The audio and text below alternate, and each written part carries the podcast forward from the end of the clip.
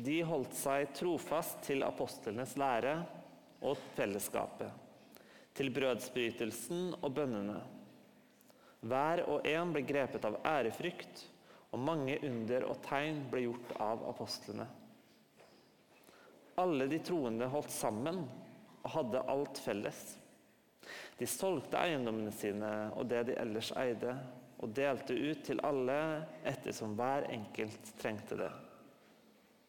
Hver dag holdt de trofast sammen på tempelplassen, og hjemmene brøt de brødet og spiste sammen med oppriktig og hjertelig glede.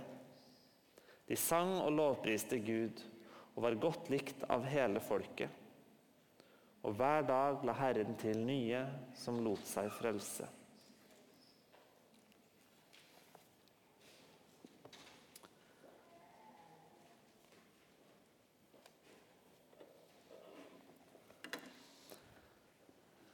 Den 5. desember i 2018 så var det en sak på Dagsrevyen som vekket stor oppsikt. En sak om meg som heter Aud Kristiansen i Trondheim. Og nå skal vi få se det klippet. Jeg har ingen venner. Den er borte, alle sammen. Kan du si litt mer om hva du prøver i hvert fall å fylle dagene med når du er hjemme? da? Ikke noe. Klarer ikke å strikke så mye heller, men jeg sitter og prøver å lage noe sånn kluter, da, så jeg får tida til å gå. Det er miserabelt. Det, det, det, skal jeg si at jeg har ikke noe mening. Men så har jeg ikke lyst til å dø heller. Kan du huske på sist eh, når du hadde besøk her?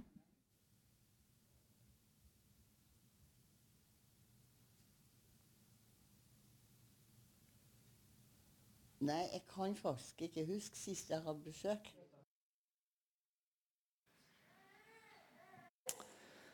Aud var modig. Hun snakka høyt om at eh, hun ikke har noen venner lenger. Hun eh, fortalte at eh, hun ikke opplevde at livet hadde noen mening, og at hun ikke kunne huske sist hun hadde besøk. Så tok det en dag, så var det 700 som hadde tatt kontakt for å være besøksvenn hennes.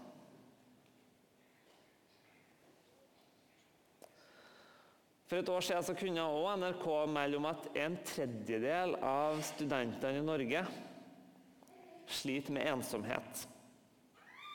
Og i resten av landet og i Vesten for øvrig er trenden økende.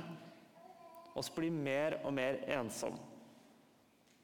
I Storbritannia sier han at så mange som en femtedel av hele befolkningen er karakterisert som ensom. Og noen snakker om en ensomhetsepidemi som rammer hele verden. Og jeg vil tro at de fleste i rommet her kjenner følelsen til å være ensom. For meg så bringer den mest følelsen tilbake til første uka på internatskole. Å gå inn på rommet mitt og så vite at utafor så er det ingen jeg kjenner. Og jeg må tørre å gå ut og likevel prøve å bli kjent. For det er ingen som kommer til å komme inn på rommet mitt. Og kanskje har du nettopp flytta til Trondheim og ikke har så mange her.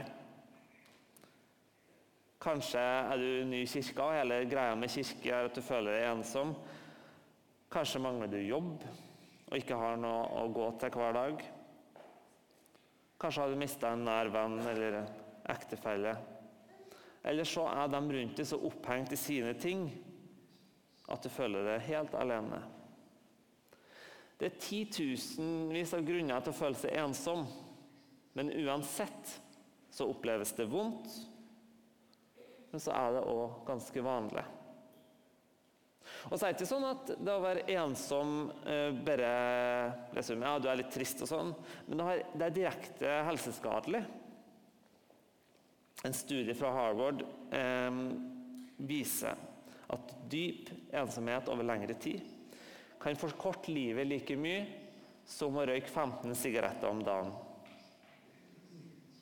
Ensomhet over lang tid har større innvirkning på faren for hjerte- og karsykdommer enn inaktivitet. Fordi at ensomhet gjør at vi føler oss stressa. Mennesket er skapt til å være i fellesskap. Det er et eller annet om Når man er ensom, så er det som kroppen reagerer med en sånn fight or flight-mode. Fordi at vi har ikke noe som beskytter oss. Hjelper det hvis jeg står her, Erlend? Kanskje. Så rent biologisk så tuner jeg inn på å ha noen som er oss nær. For at vi opplever det trygt og beskyttende. De fleste av oss gjør iallfall det. Så oss mennesker er kalt til fellesskap. Vi er helt avhengig av at andre kommer med aksept og anerkjennelse av oss med hele livet. Og at vi ikke sitter for oss sjøl og måler oss opp mot våre egne ideal eller de idealene vi får prenta inn fra ulike skjermer.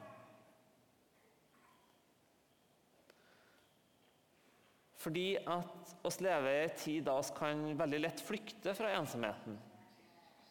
Inn i smarttelefonen, inn i TV, inn i jobb, inn i trening.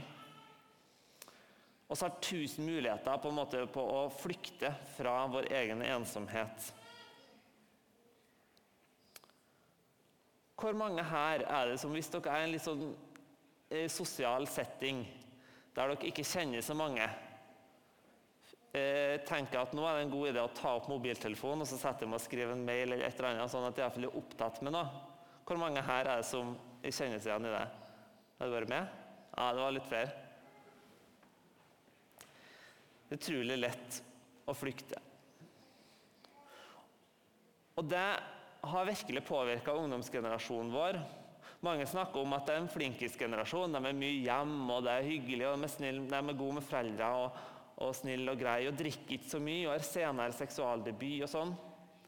Men baksida er en generasjon som er mer og mer for seg sjøl.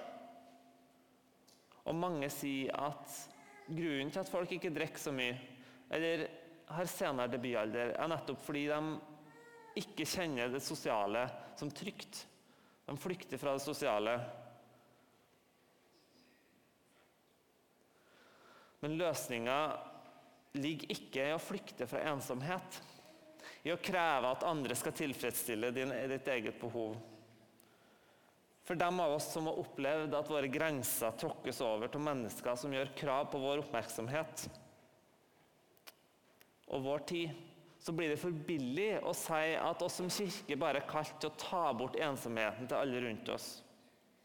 For altfor mange gode kristne mennesker har blitt fanga av andre menneskers klamring.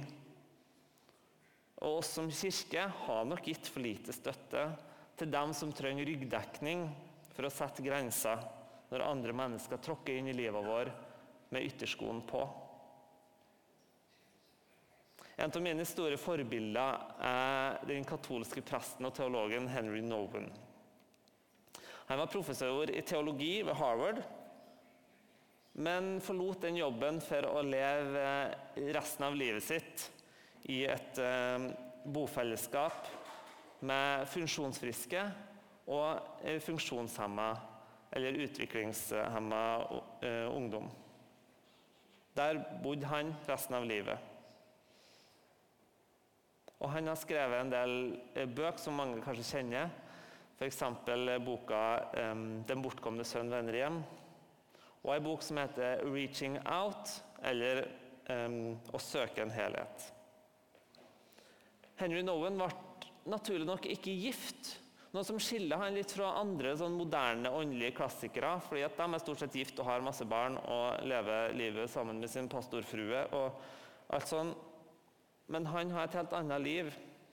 Og det har gitt meg en sånn innsikt i relasjoner som jeg syns er veldig interessant.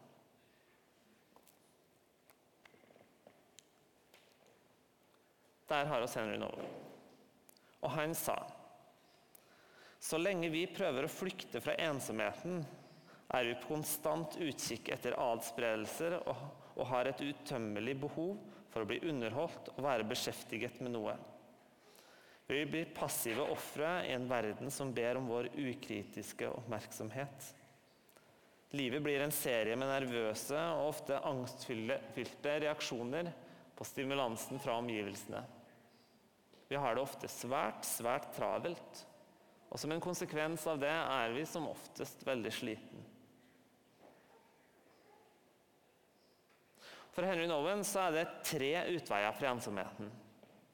Det ene er å omfavne den gode aleneheten, på engelsk 'solitude'. Det andre er gjestfriheten og fellesskapet. Og det tredje er bønnen og relasjonen til vår skaper.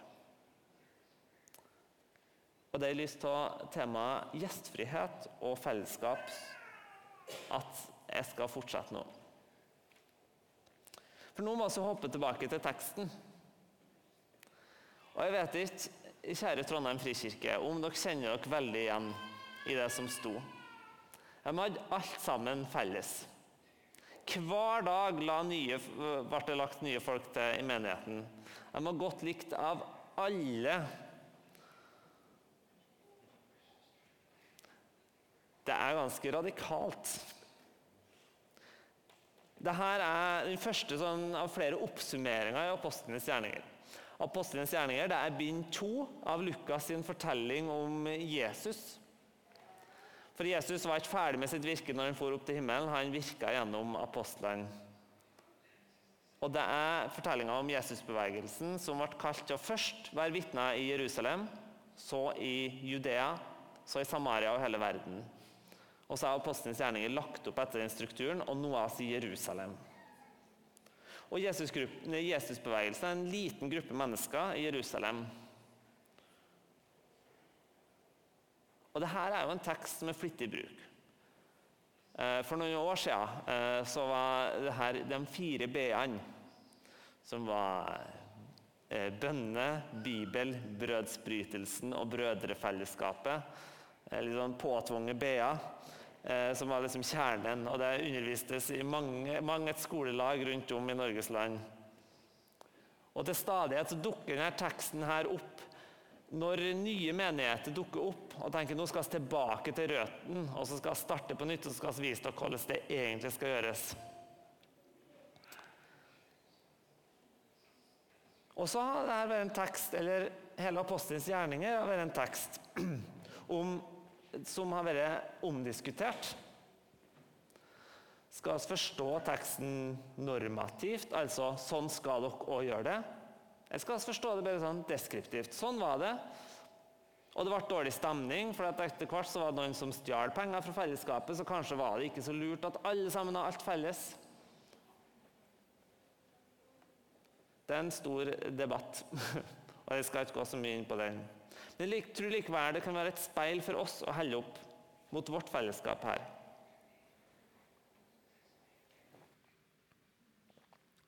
Fordi det her er jo en tid med utrolig mye vekst. Er, derfor tror jeg det er mye å lære. For Hva var det som egentlig kjennetegna de første kristne? Var det virkelig sånn? For å få svar på det spørsmålet så kan vi kanskje gå, til, gå tilbake til eh, noen skrifter fra det, fra det andre århundret, fra 100-tallet. Og eh, En som het Pliny, han skrev en tekst. og Han var ikke kristen. Han jobba som sånn eh, kristendomsforfølger. Så eh, etter det brevet her, som han skrev, så fikk han skryt fordi at han har torturert dem litt og henretta noen og satt noen i fengsel. Så han var ikke så veldig begeistra for de kristne. Men han fortalte om en gruppe mennesker som var provoserende for samfunnet. Fordi slaver og rikfolk fikk være i samme fellesskap. Helt uhørt. Jøder og hedninger fikk være i samme fellesskap. Helt uhørt. Kvinner fikk lederposisjoner. Helt uhørt, og ikke minst latterlig. Og så var de kristne en økonomisk trussel. For De ofra ikke så mye penger til, til keiseren, som ble dyrka som gud. Og så spredde de seg fryktelig raskt. Fra å være ca. Sånn 120 på, nei, på eh, første pinsedag så var de omtrent 50 000 stykk ved århundreskiftet. De har utrolig streng moral, og de feirer ofte gudstjenester sammen. Det var det han Pliny sa. Så tilbet de en gud som var død. Og det var latterlig. Nå vet jo oss at eh, Gud absolutt ikke var død, men det var sånn de hørte.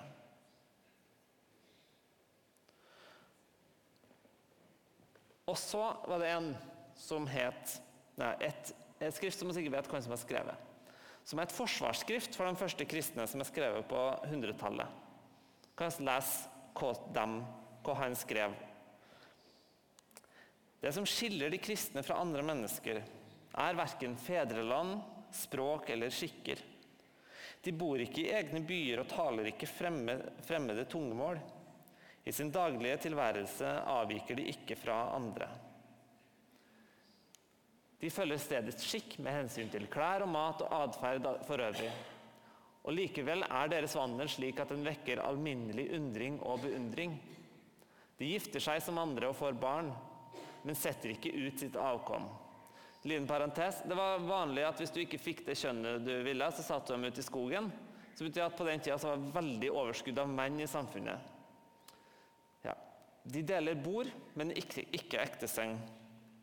De elsker alle og blir forfulgt av alle. Man kjenner dem ikke, og likevel fordømmer man dem. De blir slått i hjel, men blir gjort levende. De er fattige, men gjør mange rike. De mangler alt, men har overflod i alt. Jeg tenker Wow, for et vitnesbyrd! I en verden som var prega av råhet, der styrke ble, ble sett på som det høyeste, det høyeste ideal. Der de korsfesta folk som ikke fulgte deres regler. Og Her ser vi at endelig så kommer den lovnaden som den det som Gud har kalt Guds folk til å være helt fra begynnelsen av, helt siden han kalte Abraham, til å være et annerledes folk der sannhet og rettferdighet råder. Og Gud har kalt et folk, ikke enkeltmennesker. Når du ble en del av israelsfolket, så var du en del av folket, du var en del av beskyttelsen, du var en del av Guds frelsesplan. Men i dagens samfunn med en sånn radikal individualisme så altså mer og mer tenkt at Jesus har dødd for mine synder, og eh, derfor så kommer jeg til himmelen. Og Derfor så er målet på en måte å sørge for at flest mulig har opplevd akkurat det.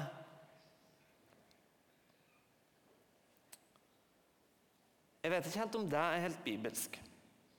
Det er òg sånn at Jesus har dødd for hver enkelt av våre synder.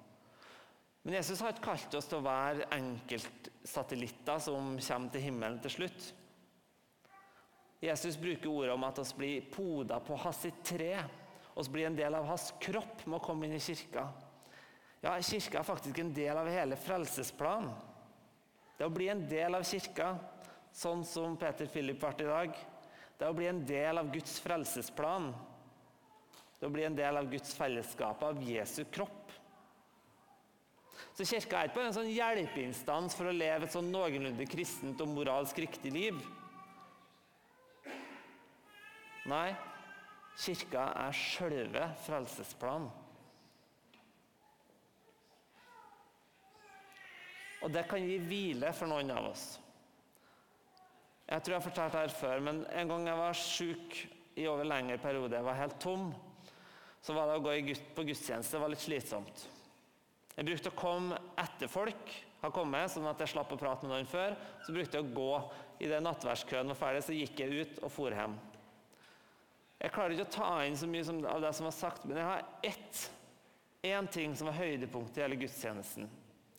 Og det var å stå og høre på alle andre si trosbekjennelsen. Og bli båret av menigheten sin tro, som har vart i 2000 år når jeg sjøl ikke helt klarte å fatte og begripe at Gud fortsatt var god, og at Gud var glad i meg.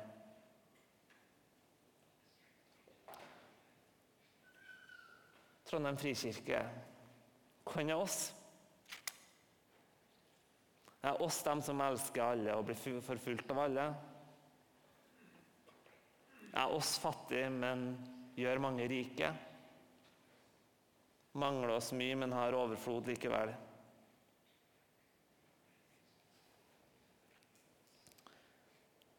Henry Nowen han snakker om at motgiften mot ensomhet er gjestfrihet.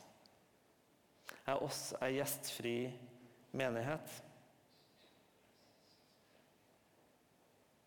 Han sier mennesker som er fulle av ideer, begreper, meninger og overbevisninger, kan ikke være gode verter. De har ikke noe indre rom der de kan lytte. Ingen åpenhet der de kan oppdage den andres gave. Ja, for Henry Nowen er selve det å være fattig det er en gave. En gave som gjør at vi kan ta folk inn uten å prakke på dem vårt budskap. Hvis du inviterer noen til middag, så kan du tenke 'Jeg gir av det jeg har', men du kan òg tenke 'Jeg gir av min fattigdom'. Dette er et ord nei, det her som Henry Noven sier, utfordrer meg som pastor veldig. For det handler om å sette den andre først, og ikke prakke på mine, mine begrep og mine ideer.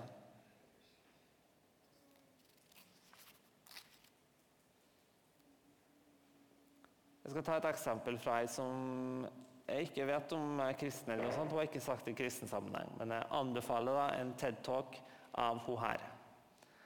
Hun heter Brené Brown. Hun var forsker og drev og forska på det med relasjoner og hva som skaper egentlig det. Hva som skaper fellesskap og sånn.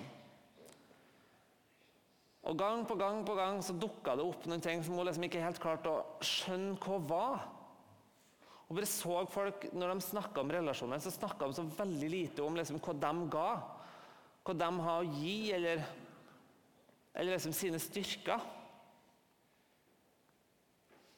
Og så fant jeg ut at det ene som virkelig skaper, skaper relasjoner, det er sårbarhet.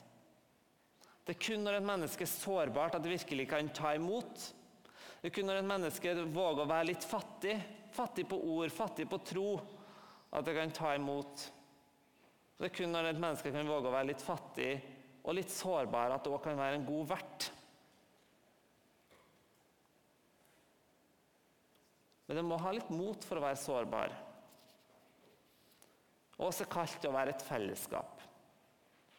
Og jeg tror et fellesskap består av sårbare, fattige mennesker. Og her sitter mange flere som er mye mer sårbare enn du tror. Det er ikke bare du. Og så har alle våre svake og sårbare sider.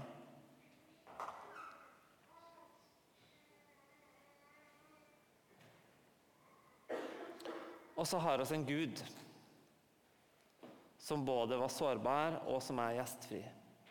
En Gud som valgte å bli så sårbar som et bitte lite barn, og helt avhengig av andre mennesker. På den ene sida. På den andre sida står han i himmelriket, med armene åpne, med den største gjestfriheten som noen gang har funtes.